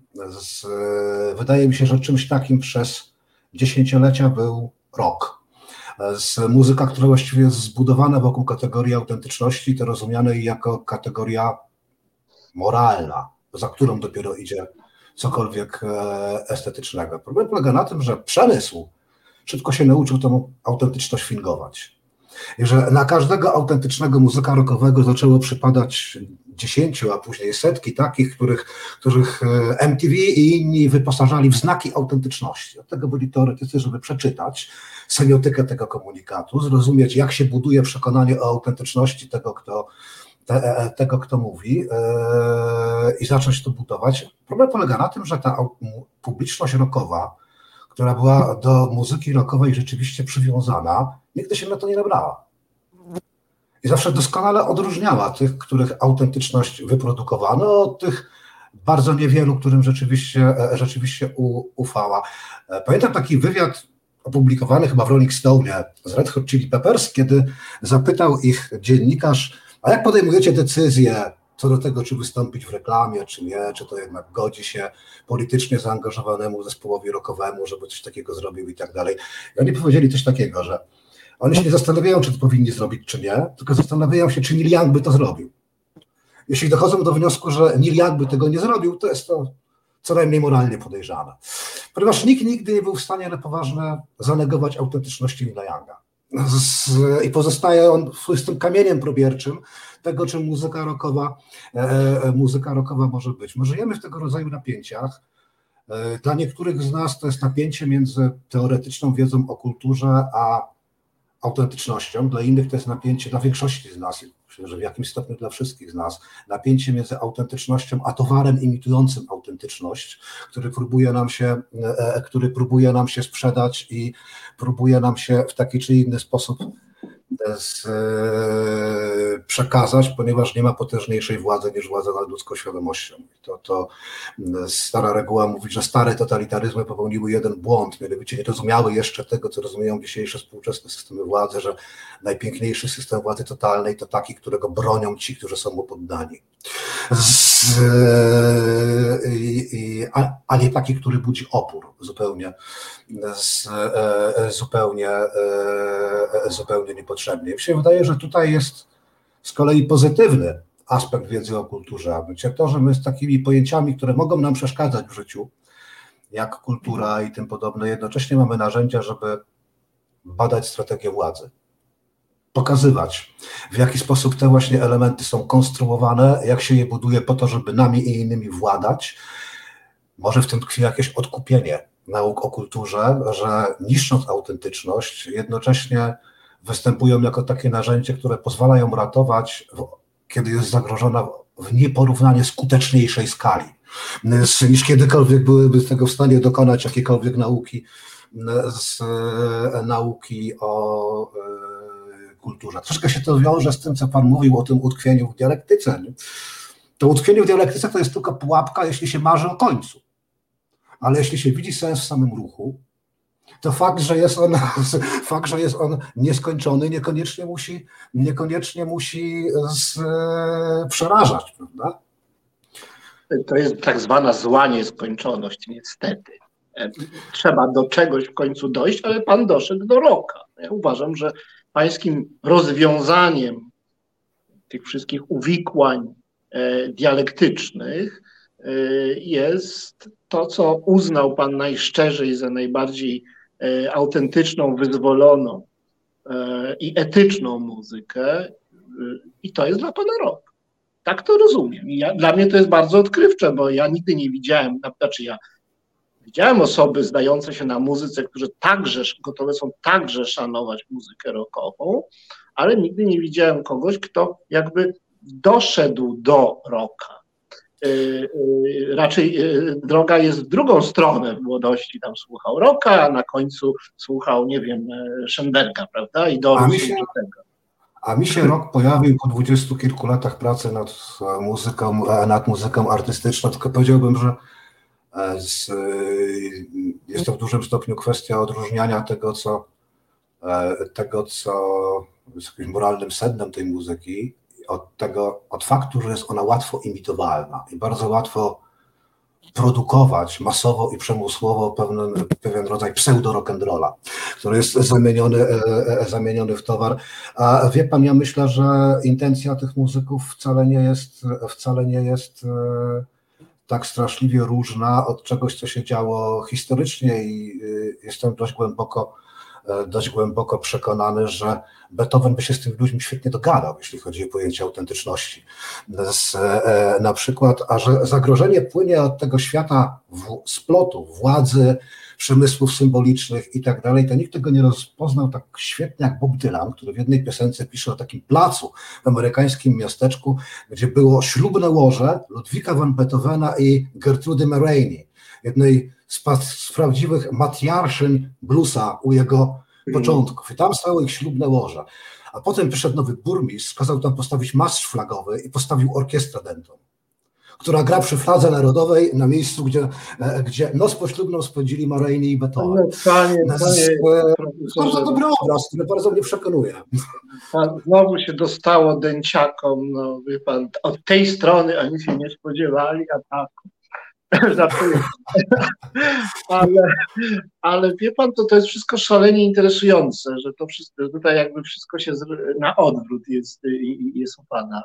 Ja myślę, że pan powinien z tym swoją właściwie taką adornowską postawą, waleczną postawą, e, pan powinien napisać nowego doktora mm, Fausta e, z innymi bohaterami i z inną historią. Nie, czy nie myślał pan o tym, żeby mm, spożytkować swoje doświadczenie i erudycję muzyczną mm, literacko i napisać e, coś takiego, zrobić coś takiego, co zrobił Tomasz Mann? Przyszło to panu kiedyś do głowy? Byłoby skrajną pychą, gdybym stwierdził, że chcę zrobić coś takiego jak Tomasz Mann. Ja aż tak szalony nie jestem, ani też już szczęśliwie nie mam 24 lat, kiedy człowiek wierzy, że przecież będzie nowym Kantem, nowym Heglem i tak dalej, byle tylko coś powiedział, prawda? E, no, ale może pan zacząć od ja, ja, nie napiszę, ja nie napiszę nowego doktora Faustusa. E, o, tym, e, o tym już wiem nie wiem, pewnie też powinienem zamienić syfilis na COVID jako chorobę no, wiodącą, żeby to się, żeby to się e, z, e, zaktualizowało. Natomiast wydaje mi się, że trochę pan trafił tutaj w sedno.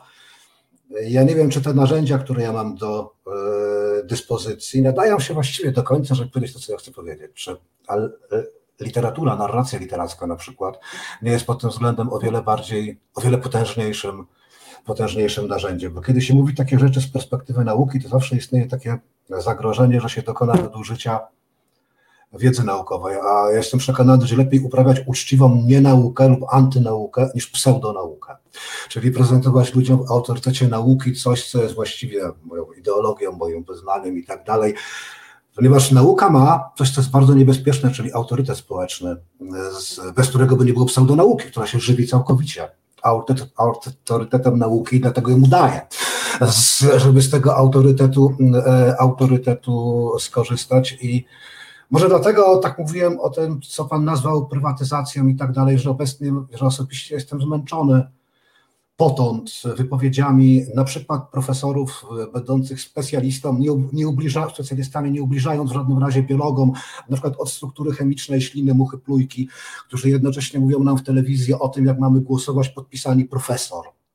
No to profesor od czego? Od tego, jak mamy głosować, czy od struktury chemicznej muchy, plujki. W tym momencie pan profesor mówi jako obywatel, taki jak każdy z nas inny, nie, inny niż każdy, e, niż każdy z, z nas i to jest coś, czego ja się bardzo boję, tak, żeby ta nikomu nie plujki, to jedna mrucha plujka y, wędruje tam i sam po pańskiej kamerze i bierze udział w naszym programie. Niech będzie, to ona jest z nami nieświadomie y, i ona ma pewną rolę do odegrania tutaj, tak jak, y, nie wiem, w koncercie jakiś trójkącik, który się odzywa trzy razy e, w nieprzewidzianych momentach, więc ona tak tutaj nam mówi, że Pan jest zanurzony w jakiejś sielskiej rzeczywistości e, i że wobec tego jest Pan typem człowieka wycofanego w naturę i e, takiego powiedzmy sobie dionizyjskiego,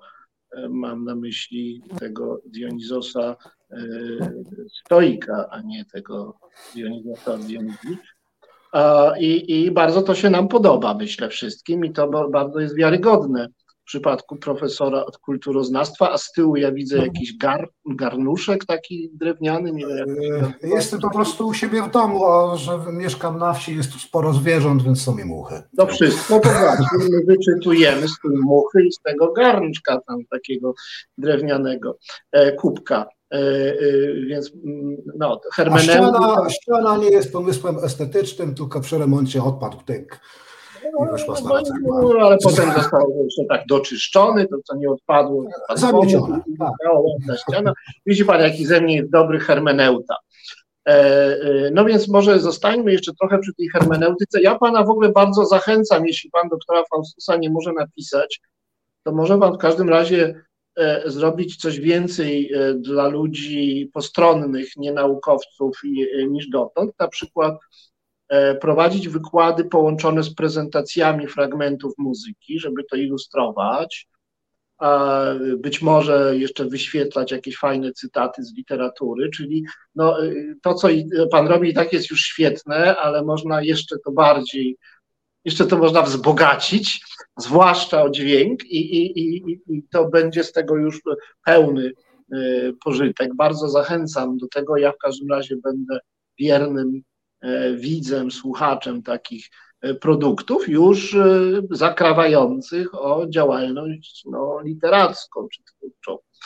E, ale to mówię tylko tak na marginesie, bo Chciałem... Tutaj pewnie Pana nie rozczaruje, bo rzeczywiście od dłuższego czasu myślę o czymś takim i to prędzej czy później się pojawi. No, to, to powiedzieć tam w tej mea kulturze, że mają studio zrobić i konsoletę jakąś i tak dalej, jakiegoś realizatora, który będzie to wszystko puszczał jak trzeba w tych momentach, które Pan pokaże i E, I to wszystko się da zrobić, to nie są jakieś bardzo e, kosztowne rzeczy. Bardzo, bardzo zachęcam, e, bo, bo no jest głód takich rzeczy, naprawdę. I zwłaszcza jeśli chodzi o muzykę, jak jeszcze pan o rocku, o bluesie może tak mówić, to w ogóle jest fantastyczne. Ja nie wiedziałem nawet, że, że, że pan i tam się zapuszcza. No właśnie, ale jak jesteśmy przy tych wszystkich socjologicznych kontekstach, to chciałbym jeszcze przed y, piosenką, bo po moim pytaniu zagramy drugą piosenkę, bo już będzie na to czas. Tak dzielimy sobie program na trzy części. E, chciałbym zapytać o mm, tę kontekstowość społeczną muzyki i, i wykonania muzyki. Bo my myślimy o tym zwykle dosyć sceptycznie w kategoriach snobizmu właśnie i autentyczności. Narzekamy, utyskujemy na to, że znaczna część recepcji muzyki jest właśnie tak zapośredniczona e, w, w agonie społecznym, to znaczy albo jest podporządkowana jakiemuś snobizmowi, jakiejś e, rywalizacji klasowej, jakiejś, jakiemuś narcyzmowi takiemu indywidualnemu, mieszczańskiemu narcyzmowi, popisowi i tak dalej. I że to wszystko, e, ta oprawa społeczna muzyki jest nie, antypatyczna, Kiedyś było lepiej, no bo to było takie naturalne. Muzycy nie mieli tych wielkich jakichś pretensji do, do znaczenia jako e, elita. E, wszystko się odbywało w sposób naturalny, orkiestra wojskowa e, albo jakaś taka powiedzmy kameralna do zabawiania. Wszyscy, wszyscy się bawili spontanicznie i nikt nie robił z tego wielkiego halo, a teraz to się wszystko pozmieniało, no i muzyka stała się zakładniczką tych różnych aspiracyjnych i agonistycznych e, zjawisk społecznych i się po prostu w wielu sytuacjach źle kojarzy. Chciałem prosić Pana o skomentowanie znanego eksperymentu. Na pewno wszyscy Państwo, albo większość z Państwa słyszała o takim eksperymencie zrelacjonowanym w sieci, że bardzo znany, jeden z najwybitniejszych współczesnych skrzypków Joshua Bell e, poszedł sobie do stacji metra w mieście, gdzie miał koncert i tam sobie grał na skrzypcach. Y, I, no i jakoś tak nikt specjalnie na to nie zwracał uwagi, prawda? No bo ludzie nie wiedzieli, że to jest jakiś wielki skrzypek, prawda? Ale też i samej muzyki nie wystarczyło na to, żeby ludzi jakoś e, za, zaczarować. No byli w biegu, tam sobie szli, nie zwracali na to specjalnie uwagi. E, a inni ludzie, a może nawet w jakiejś mierze ci sami, no, płacą dużo pieniędzy, żeby wieczorem Y, eleganckich strojach przyjść na koncert tego samego pana, którego za darmo tu mogą y, w podziemiu y, metra. I to jest pytanie, jak to zinterpretować, czy tu się dzieje coś niewłaściwego, czy nie. Ja bym ten, to pytanie i ten eksperyment uzupełnił eksperymentem myślowym. Wydaje mi się, że gdyby na tej samej stacji metra pojawił się inny bardzo wybitny skrzypek czy skrzypaczka o bardziej efektownym wyglądzie, ekspresji, sposobie bycia, to sytuacja by się bardzo zmieniła. Na przykład jest taki wielki wirtuoz, taki Paganini naszych czasów, nazywa się Ara Malikan, który uprawia tak Y, y, trochę takiego, takiego, takiego popu, można powiedzieć, popularyzuje muzykę skrzypcową i robi bardzo duże show. No gdyby on wystąpił nawet z tym samym repertuarem, ale no, z tą swoją czupryną podskakując trochę, to efekt mógłby być zupełnie inny. E, również gdyby e, bardzo zacna, najbardziej może utytułowana europejska skrzypaczka Anne-Sophie Mutter e, tam stanęła, to też by być zupełnie inaczej. A Joshua Bell, no taki trochę nie, e, może niepozorny pan w średnim wieku, no tak sobie jakoś tak stanął i zagrał, może niezbyt dużych tempach, więc to może też tak nie przyciągało uwagi. E, więc moje pytanie o interpretację i o to właściwie, co tam się wydarzyło i czy to coś złego się wydarzyło, czy to e, coś złego mówi o publiczności, odkrywa jakiś fałsz, czy właśnie jest to opcja normalna i nie ma, nie ma się czym przejmować. To jest pytanie na po piosence, a teraz druga piosenka. Słuchasz Resetu Obywatelskiego. Ale w ten czas leci, drodzy Państwo, już dwie trzecie programu dzisiejszego z udziałem e, e, pana profesora Mraczyskiego z QAM się e, przeleciało i, i została tylko jedna trzecia, bardzo się miło rozmawia, to jest wszystko bardzo interesujące, dla mnie w każdym razie. Mam nadzieję, że piosenka się podobała. E, tak. Tak, to dobrze. To, dla autorów to jest ważna ocena. Poprzednia też. Myślę, że zostanie to im przekazane, żeby się podobało. E, pan profesor Moraczewski jest przeze mnie, przeze mnie dzisiaj bardzo gnębiony, ale to tak dla dynamiki. E, naszego programu. E, poprosiłem e, pana przed przerwą o komentarz do eksperymentu Joshua Bella. Bardzo proszę. Bardzo trudno mi być zaskoczonym efektem tego eksperymentu, bo z, jest taka najbardziej klasyczna kontrowersja, jaka się w ogóle pojawiła w socjologii muzyki. Temat w ogóle jest bardzo stary, ponieważ no, jeszcze w późnym średniowieczu paryski teoretyk muzyki Johannes de Muris e, i kilku jeszcze, Johannes de Grohejo w pierwszym rzędzie, z, opisali coś takiego, co fachowo się nazywa społeczną dystrybucją stylów muzycznych. Czyli zauważyli, że style muzyczne występują jako znaki rozpoznawcze, znaki oddzielające grupy społeczne od siebie, przeciwstawiające je i tak dalej. Johannes de Grohejo, jak o tym pisał, e, pod koniec średniowiecza nie miał z tym żadnego problemu, ponieważ dla niego ta rozmaitość muzyki była częścią po prostu Bożego Ładu. I skoro ludzie są podzieleni na grupy, które mają odmienną istotę, to nie ma też nic zaskakującego w tym, że posiadają odmienne formy e, muzycznego manifestowania się, a że on był takim teologiem harmonii nie tylko muzycznej, ale także społecznej i e, widział w porządku, który ekspost później nazwano feudalnym, nie przemoc i ucisk jednych grup społecznych przez drugie, przez drugie, tylko układ wzajemnego dopełniania się, też nie widział żadnego powodu, żeby te style muzyczne hierarchizować. Dla niego to, co nazywał muzyka eklezjastyka, czyli muzyką kościelną, muzyka kompozyta, czyli muzyką uczoną i muzyka simplex, najprostszą, czy to miejską, czy wiejską i tak dalej, to były równoprawne style, które razem dopiero tworzyły boską harmonię muzyki. I żadna hierarchizacja między nimi e, nie wchodziła, e, nie wchodziła w rachubę. Dopiero kiedy zaczęto rozumieć społeczeństwo jako antagonistyczne, a to nie będziemy wchodzili w całą długą historię, jak i dlaczego do tego, do tego doszło, to stało się to problemem. W XX wieku to już były chyba najbardziej klasyczne badania, klasyczne badania nad e, społecznym funkcjonowaniem muzyki, jakie w ogóle istniały. E, w każdym zestawieniu najważniejszych książek socjologii kultury w ogóle w XX wieku jest dystynkcja Pierre Bourdieu, a więc e, książka o tym, jak się używa zabiegów symbolicznych, żeby oznaczać własną pozycję społeczną. I muzyka zajmuje w tej książce bardzo potężną pozycję. Więc jeszcze Bourdieu zdaje się, że uważa muzykę obok gustów kulinarnych za najsilniejszy wyznacznik pozycji społecznej, aspiracji społecznych e, i tym podobnych elementów. I bardzo trudno z tym dyskutować, bo to nie są spekulacje eseisty, tylko ustalenia bardzo porządnego socjologa, który przeprowadził odpowiednie badania empiryczne w odpowiedniej skali, na reprezentatywnych próbach i tak dalej. I żeby z Bourdieu dyskutować, to trzeba byłoby mieć lepsze badania od niego, po pierwsze. Z, e, więc jest to coś, co można po prostu odrzucić. A kontrowersja wzięła się stąd, że powtórzono te badania w innych krajach i okazało się, że nie wszędzie sprawa jest identyczna. I na przykład w Polsce, kiedy przeprowadzono takie badania, okazało się, że korelacja między przynależnością klasową a gustem muzycznym jest potwornie słaba. Zupełnie inaczej niż, niż we Francji, że Polacy z reguły wybierają muzykę taką, jaką lubią i się bardzo słabo przejmują z tym, jak to wpłynie na ich pozycję społeczną i tak dalej. Ale to było w latach 70. W latach 70., kiedy E, przynależność do klas społecznych, zwłaszcza uprzywilejowanych, była na tyle problematyczna, że można się jej było nawet wstydzić, mogła być mniej niewygodna i tak dalej.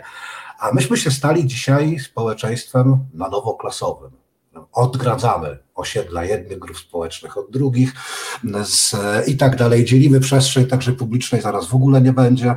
Będzie pocięta wszystkimi możliwymi płotami między właścicieli instytucjonalnych i prywatnych z, i tak dalej. Nasze społeczeństwo staje się gwałtownie klasowe. Z, nie do porównania pod, z tą ukrytą klasowością lat 70., której przynajmniej oficjalnie nikt za bardzo, nikt za bardzo nie lubił. I niestety nie powtórzono takich badań dla Polski po roku 89 w odpowiedniej skali. Ja jestem przekonany, że wyniki byłyby takie, jakie Bourdieu osiągnął we Francji, albo że byśmy się zbliżali coraz bardziej do nich i że ta funkcja muzyki jako znaku dystynkcji społecznej jest w Polsce coraz silniejsza i sytuacja już nie jest taka jak w latach, e, w latach 70. To ma dwie strony. To ma dwie strony, dlatego że z jednej, z jednej strony trudno oponować przeciwko czemuś, co należy do prostu struktury każdego możliwego społeczeństwa. Społeczeństwa, które mają społeczny podział pracy, że nie wszyscy jesteśmy na przykład chłopami lub myśliwymi, no, a rozpadają się z konieczności na grupy, które wykonują inne rzeczy, mają inne kompetencje, trochę inne zakresy funkcjonowania i one poszukują znaków, które oddzielają je od innych grup i tak dalej. W określonych systemach gospodarczych te grupy znajdują się w dodatku w sytuacji konkurencji, próbują jedno osiągnąć przewagę nad drugimi, więc też posługują się moją muzyką, która jest lepsza od twojej muzyki e, i tak dalej, do której inni mogą aspirować, żeby oznaczyć się na przykład wyżej po, w stosunku do swojej realnej pozycji, tak, jeżeli choćby, choćby jesteśmy na dole pozycji społecznej, ale kupimy, gdzieś tam wysupłamy na super garnitur i będziemy chodzili co tydzień do opery i tak dalej, to jednak będziemy oznaczali swoją przynależność do nawet wyższej klasy społecznej, bo to nie jest takie proste, bo to od razu wyszło w badaniach, jakoby ludzie po prostu słuchali muzyki, jakiej powinni według klasy społecznej. Nie. Ludzie tym manipulują i na tym polega cała zabawa. Z, więc ludzie na przykład należą do klas najmniej uprzywilejowanych, a słuchają muzyki uprzywilejowanych, żeby stworzyć sugestię własnej z wyższej pozycji społecznej. Albo są na przykład mocno demokratycznych poglądów politycznych, ale mieli nieszczęście urodzić się w rodzinie milionera, ale będą słuchali hip-hopu, żeby zaznaczać swoją solidarność z tymi nieuprzywilejowanymi e, ludźmi. W Kanadzie e, Winsta robił tego rodzaju badania o takim świadomym manipulowaniu e, z tego rodzaju, tego rodzaju znakami. Więc jest, z jednej strony jest to proces, który po prostu zachodzi, i to nie jest proces, który jest pytaniem o muzykę, tylko pytaniem o strukturę społeczną z, i tym, co się, e, e, tym, do czego muzyka w tym, e, w tym wszystkim służy. A druga strona tego jest bardzo pesymistyczna, ale bardzo dużo naczytałem się tekstów, które wyciągały z tego złe wnioski na temat muzyki. Jaka to ona jest opresywna, przemocowa, i tak dalej. E, ja bym tę sprawę postawił troszeczkę inaczej, bo to dla mnie to jest pytanie o muzykę najpierw, tylko pytanie o model społeczny, w jakim żyjemy.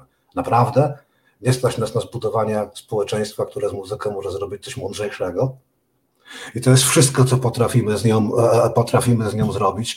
To jest tak jak pytanie o to, dlaczego do muzyki bardziej złożonej, do której nie sposób dojść intuicyjnie, ludzie nie dochodzą. To nie jest pytanie o to, Y, czy taka muzyka powinna istnieć, czy nie. To nie jest też pytanie o to, jakoby ci ludzie, którzy do niej nie dochodzą, mieli być jacyś gorsi. To jest pytanie o to, dlaczego godzimy się na istnienie społeczeństwa, w którym znakomita większość już w dniu urodzenia jest w takiej pozycji, że choćby nie wiadomo, co zrobiła nigdy do uczestnictwa uczestnictwa w tego rodzaju kulturze nie dojdzie, ponieważ jest to zablokowane przez ekonomiczne i inne warunki, z, e, e, warunki z, w jakich ci ludzie żyją. Więc to jest pytanie o sprawiedliwość społeczną, a że muzyka jest do głębi społeczna, jest do głębi społeczna, a jak bardzo jest społeczna, to żeby sobie to wyobrazić, to się posłużę przykładem, który jest nie mój, ale pochodzi z klasyki socjologii muzyki. Wyobraźmy sobie taką oto sytuację, że ktoś wchodzi dzisiaj do Empiku albo innego podobnego sklepu i nagle widzi za szkłem z e, półkę, która jest oznaczona disco polo, hip-hop, e, techno i tam jest pięciu intelektualistów w średnim wieku, którzy na słuchawkach odsłuchują nowe wydania płytowe, a po drugiej stronie, bynajmniej nie za szkłem, jest półka Jazz and Classics i tam się tłoczą wszystkie nastolatki i tak dalej, próbują sobie wydzierać nowe, e, nowe nagrania mszy Joskena Depre na przykład i tak dalej. Prawdopodobne? No, chyba nie. Gdyby muzyka nie była do głębi społeczna, to byłoby to prawdopodobne. Dlaczego bowiem nie miałoby się stać spać coś takiego, a jednak zdaje się, że sobie nie możemy wyobrazić nawet tak łatwo, z, inaczej niż w formie żartu, tego rodzaju odwrócenia społecznego władania e, społecznego władania e, z muzyką. Jak każdy, komu muzyka jest w jakiś sposób już czysto osobiście droga, to ja mam problem, jak każdy inny. To, to znaczy mi się wydaje, że to terytorium fałszywego bądź prawdziwego prestiżu, ale tak czy inaczej e, wyniosłej elitarności, dość łatwo odbić i odzyskać, dlatego że e, niższa klasa średnia, która mogłaby mieć ochotę na taką rebelię, ma wystarczające potemu e, środki, to znaczy może się ubrać i może kupić bilet i pójść na dowolny koncert. I czasem to się dzieje i myślę, że ten program demokratyzacji i egalitaryzacji, powiedzmy sobie, tej, tej muzyki jako oznaki prestiżu, w pewnym sensie się został wykonany. Co czasem daje taki efekt nieprzyjemny. Ja pamiętam, kiedyś byłem w Paryżu na koncercie Berliner Philharmoniker, był Szostakowicz w programie i no myśmy byli poubierani elegancko, obok byli ludzie też na ogół elegancko ubrani, albo znacznie bardziej niż my, ale byli też ludzie ubrani tak jak na co dzień e, i to trochę było rażące. E, to jest jeden sposób, prawda? Taka inwazja abnegatów. E, drugi to jest jednak edukacja. No, jak ja chodziłem do szkoły, to jak najbardziej były lekcje muzyki, a dzieci były prowadzone i do teatru, i do, do. No więc to też jakby odblokowywało ten, ten elitaryzm, a jednocześnie no, no, i tworzyło jednak publiczność i, jakoś ją tam reprodukowało. Więc to są bardzo różne sposoby, w jakich e, potrafimy czy chcemy e, mieścić bądź wychodzić poza konwencje e, koncertowe, powiedzmy, związane z jakimiś bardziej czy mniej uzasadnionymi aspiracjami społecznymi. Ja jak idę do, do opery na przykład, to, to wbijam się w najlepsze ubranie, takie pan z, e, z kamizelką i szelkami, e, ale dlatego, że nie dlatego, że to jakoś się chce bardzo snobować, tylko uważam, że uczestniczę w ten sposób w pewnym przedstawieniu, no, w pewnej sytuacji mm, estetycznej, w której ja mam swój skromny udział tam po drugiej stronie jako, jako widz i mnie to najzwyczajniej w świecie bawi. E, I, I, więc to też jest jakieś przetworzenie takiej, powiedzmy sobie, pretensji e, e, mieszczańskich. To nie jest jakieś niedemokratyczne działanie, więc wydaje mi się, że jest po prostu wiele dróg i sposobów rozgrywania tych sytuacji i, i że to, że, że jakby rzeczywistość społeczna jest bardziej chytra niż te jakieś paradygmatyczne, wzorcowe sytuacje, którą, które mogą zidentyfikować socjologowie. A, a tak e, przy okazji to chciałem zapytać, odnieść, bo Pan się powołał na Pierre Bourdieu, mm, e, który jakoś tam też należy do, do szeroko rozumianego strukturalizmu.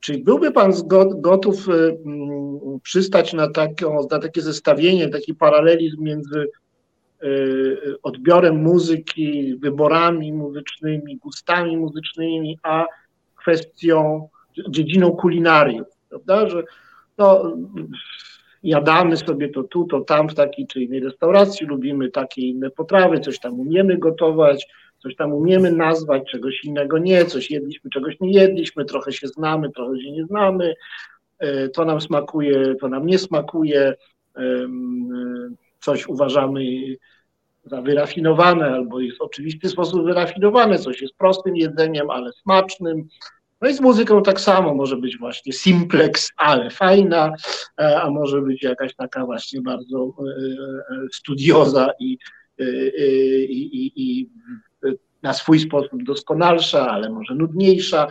No w każdym razie widać, że w tej jakby języku i no, takiej palecie możliwych jakichś zachowań, komentarzy, opinii, w sferze mm, e, e, smaku estetycznego, odniesieniu do muzyki i smaku no, fizjologicznego w odniesieniu do, do, do potraw, e, są jakieś podobieństwa? Czy widzi Pan jakąś poznawczą wartość w takiej paraleli?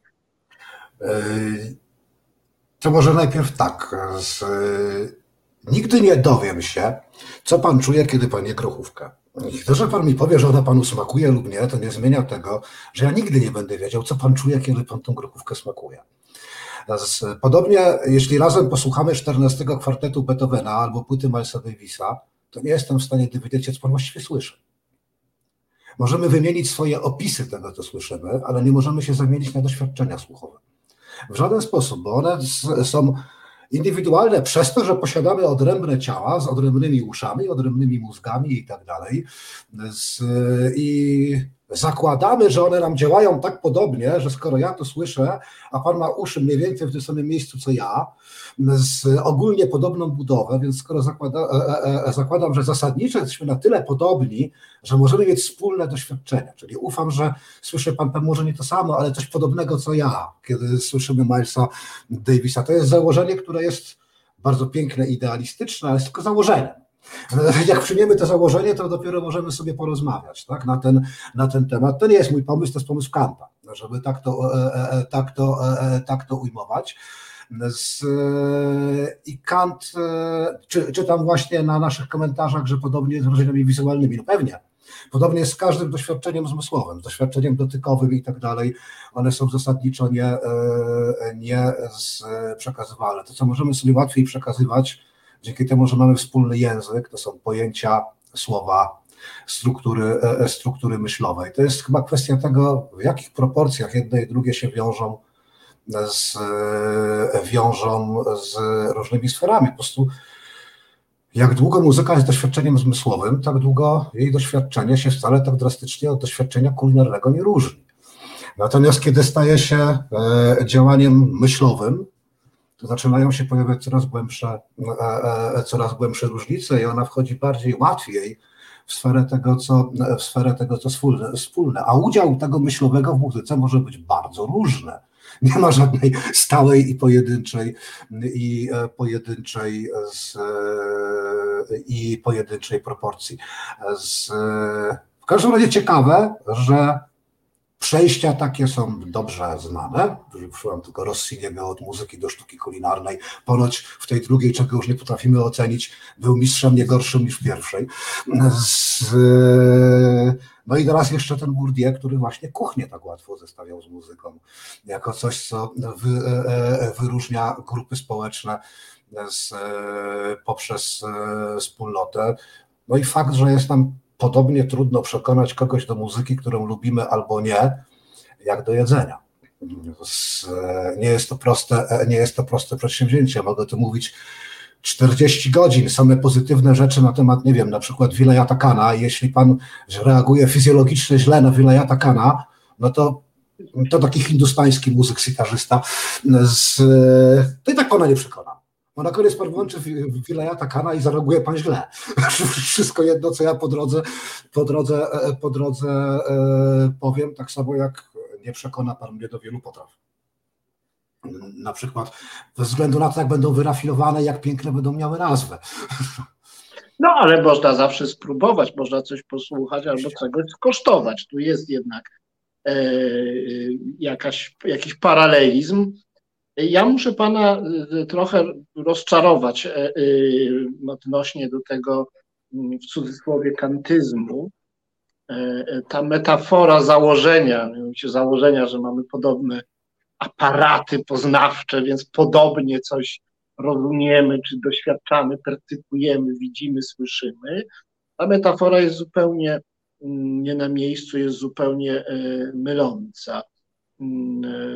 To, co odkrywamy, mówiąc o monosubiektywności, a więc solipsyzmie doświadczenia e, zmysłowego, jest zarazem odkryciem warunków e, niemożliwości postawienia sensownie pytania o wspólnotę doświadczenia e, zmysłowego, czy możliwość wynegocjowania w kategoriach fałszu i prawdy jedności tegoż doświadczenia, a w konsekwencji również podważa warunki sensowności używania takiej metaforyki, jak właśnie założenie i wniosek z założenia, jako że nie ma żadnej wyobrażalnej podstawy uzgadniania rezultatów poznania zmysłowego przy założeniu właśnie, czy przy takim rozumieniu zmysłowości jako subiektywności indywidualnej, niepublicznej,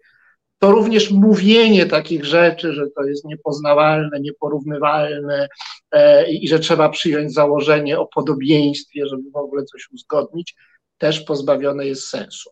E, e, transcendentalizm, nie, refleksja transcendentalna nie kończy się na dostrzeżeniu, że e, e, subiektywność zakorzeniona jest w transcendentalności, która jest warunkiem możliwości zarówno tego, co subiektywne, jak i tego, co publiczne, ma daleko idące konsekwencje, między innymi pozwala zdekonstruować tego rodzaju metaforykę, która, którą Pan tutaj zastosował, ale mogę Pana uspokoić, że E, mm, tego, co ja teraz panu powiedziałem, to Kant jeszcze nie umiał sformułować. No, ani Kant nie umiał, ani to nie do końca pewnego pragmatycznego pożytku, ponieważ my musimy zakładać tę wspólnotę ze względów czysto pragmatycznych. Nie ma I zakładamy, zakładamy ją na co dzień, kiedy mówimy do Nie, to nie jest założenie. Pan się wyraża jak jakiś Husserl. To nie jest metaforyka logiczna zakładania tutaj e, e, jest zupełnie myląca, zupełnie nietrafna. Bardzo chętnie z Panem kiedyś o tym porozmawiam, to naprawdę zanudzilibyśmy, zamęczyli słuchaczy. To nie jest na teraz, ale wróćmy kiedyś do tego, bo ja często widzę, że się różne koncepty filozoficzne przebijają w jakichś takich zniekształconych postaciach do, do różnych dziedzin humanistyki. Tradycja transcendentalna jest generalnie nastawiona na unikanie tego rodzaju, e, e, można powiedzieć, upraszczających figur zdroworozsądkowych, jakie pan, jaką pan teraz właśnie e, użył, że jest jakieś założenie, bo nie możemy sprawdzić. Ale nie, nie, nie, nie. Empirycznie, nie mogę wejść do pańskiej głowy, pan do mojej, to, to może musiał... założyć. Tradycja transcendentalna po to powstała, żeby móc się uwolnić od tego rodzaju metaforyki. Ale to tak Mówię to na marginesie. Na marginesie. Wytłumaczę się przy innej okazji.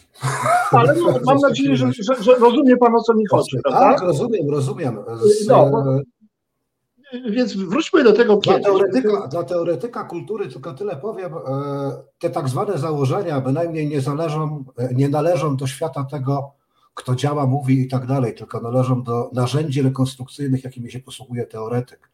I nie imputujemy komukolwiek, że czyni tego rodzaju założenia.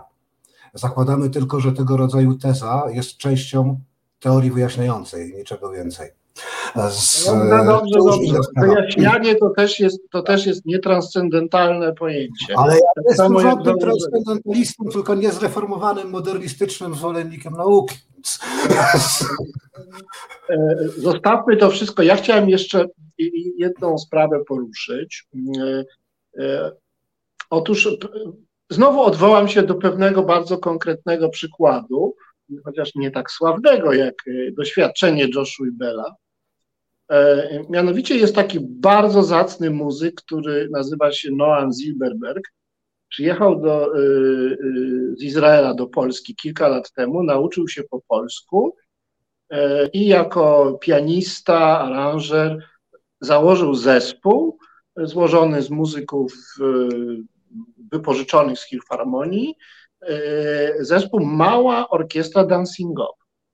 E, I tenże zespół odgrywa przedwojenne szlagiery e, warszawskie. No takie szlagiery z warszawskich restauracji, klubów.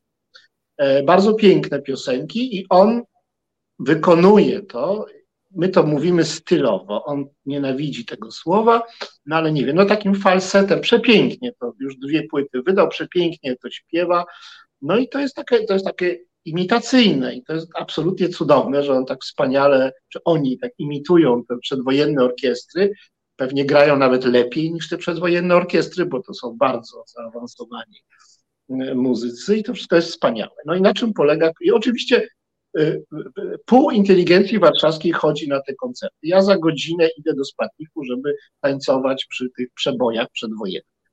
No i wszyscy y, tam chodzą i włóczą się za tym Noamem, za tą małą orkiestrą dancingową. Naprawdę tłumy chodzą na jego, na jego koncerty, no bo wszystkich to szalenie cieszy.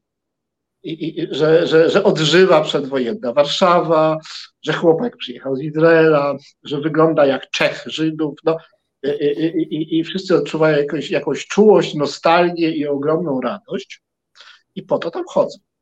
A on się strasznie na to złości.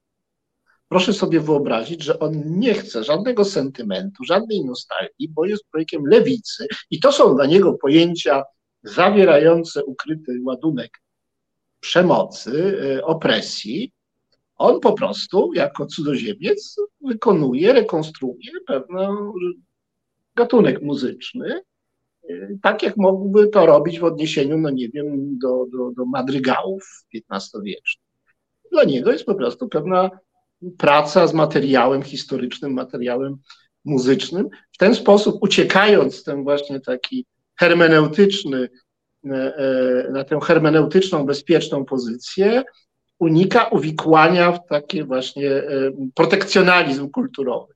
No i dochodzi do nieporozumienia, systemowego nieporozumienia. On tam gra, śpiewa, te piosenki cudowne zresztą, takim falsecikiem pięknym, czyściutko, wspaniale, gra na fortepianie, ci tutaj sekcja smyczkowa i jeszcze harmonia, no czego tam nie ma, 12 osób w orkiestrze. Wszyscy tańczą i wszyscy są nostalgiczni, tylko on jeden nie. Jest konflikt ideologiczny między nim a, a nami. Co by pan powiedział Noamowi? Z, powiedziałbym, że po pierwsze jak, jeśli jakikolwiek nasz wytwór czy komunikat puszczamy w strefę społeczną, to przestajemy mieć kontrolę nad jego znaczeniem.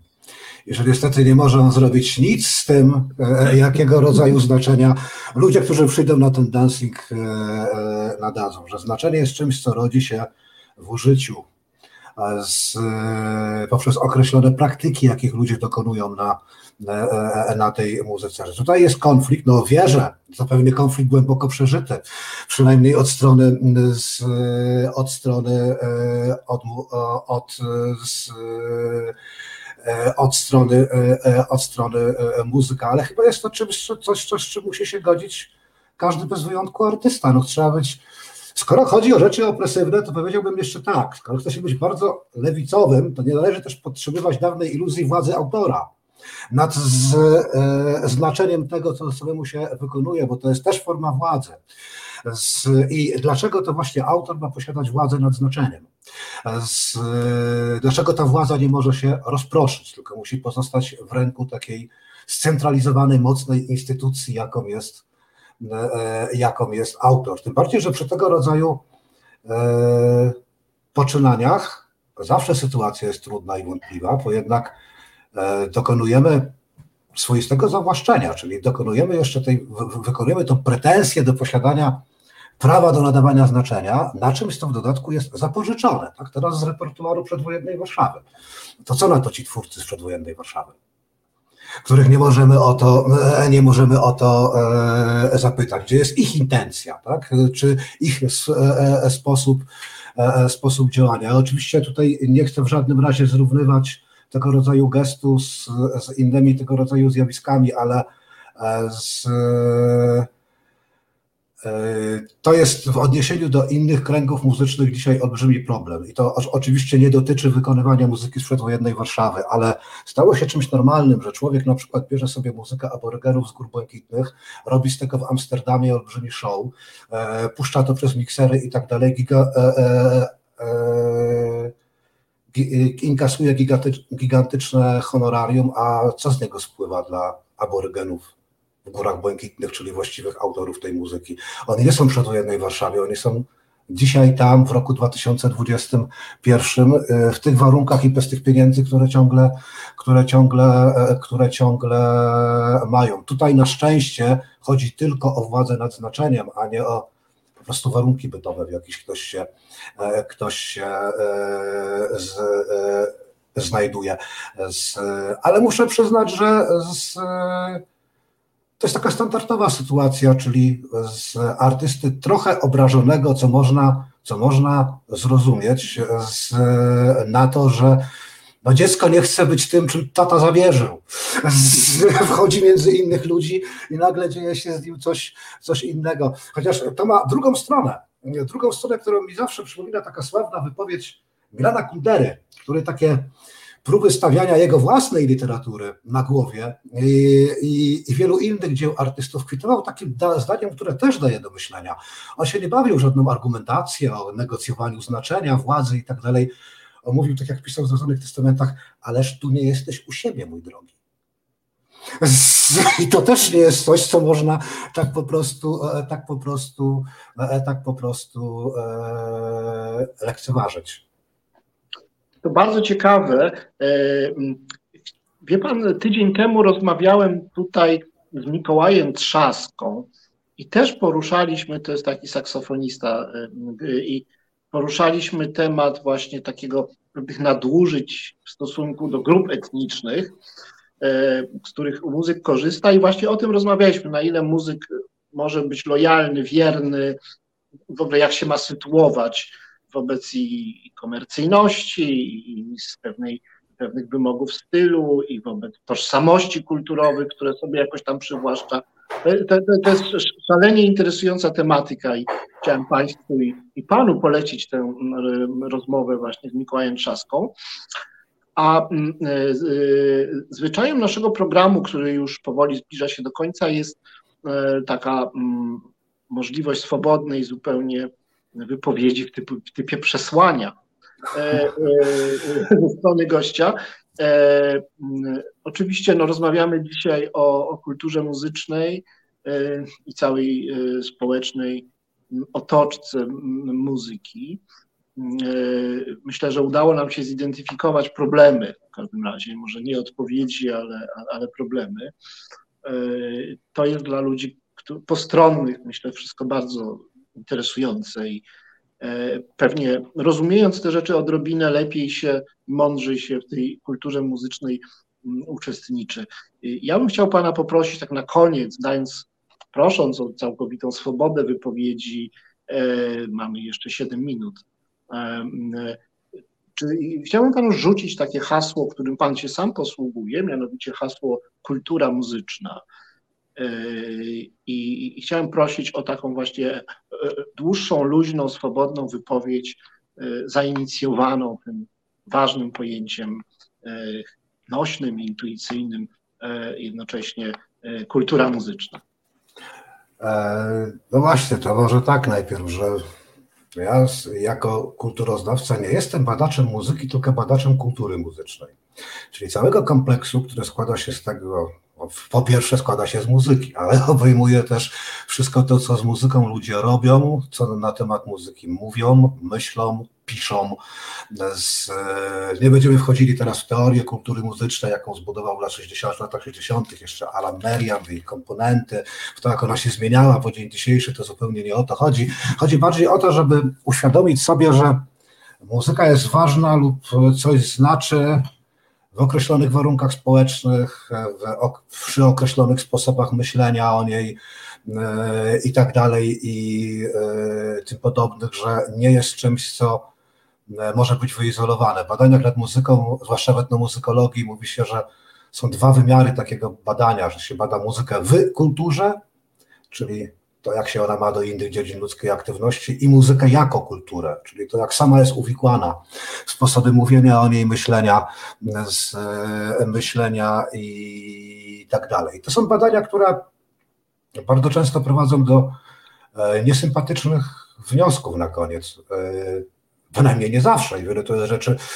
rzeczy bardzo pozytywnych, ale to są takie wnioski jak te, które się wiążą na przykład z tym klasowym posługiwaniem się muzyką, muzyką jako narzędziem z przemocy symbolicznej, opresji społecznej i e, tym podobnych rzeczy, hierarchizowania e, ludzi. Się przyznam, że ja bardzo chętnie odpowiadam na takie pytanie, co to jest dobra muzyka, jakim pan dzisiaj zaczął, ale bardzo niechętnie odpowiadał na pytanie, co to jest zła muzyka, a na pewno bym nie podał żadnych przykładów, dlatego że ktokolwiek mówi o jakiejkolwiek muzyce, mówi o ludziach którzy są e, nosicielami czy też właścicielami tej, tej, tej muzyki, aż nazbyt często mówi się źle o jakiejś muzyce nie po to, żeby powiedzieć źle o muzyce, tylko źle mówić o grupach ludzkich, z którymi tą muzykę, e, tą muzykę wiążemy, bo to może być bardzo stygmatyzujące. Takie moje prywatne badanie e, dotyczące niechęci do disco polo, zwłaszcza wśród ludzi, którzy i tak nie są w stanie odróżnić, czy ta struktura harmoniczna disco polo jest rzeczywiście aż tak uboga w porównaniu z jazzem na przykład,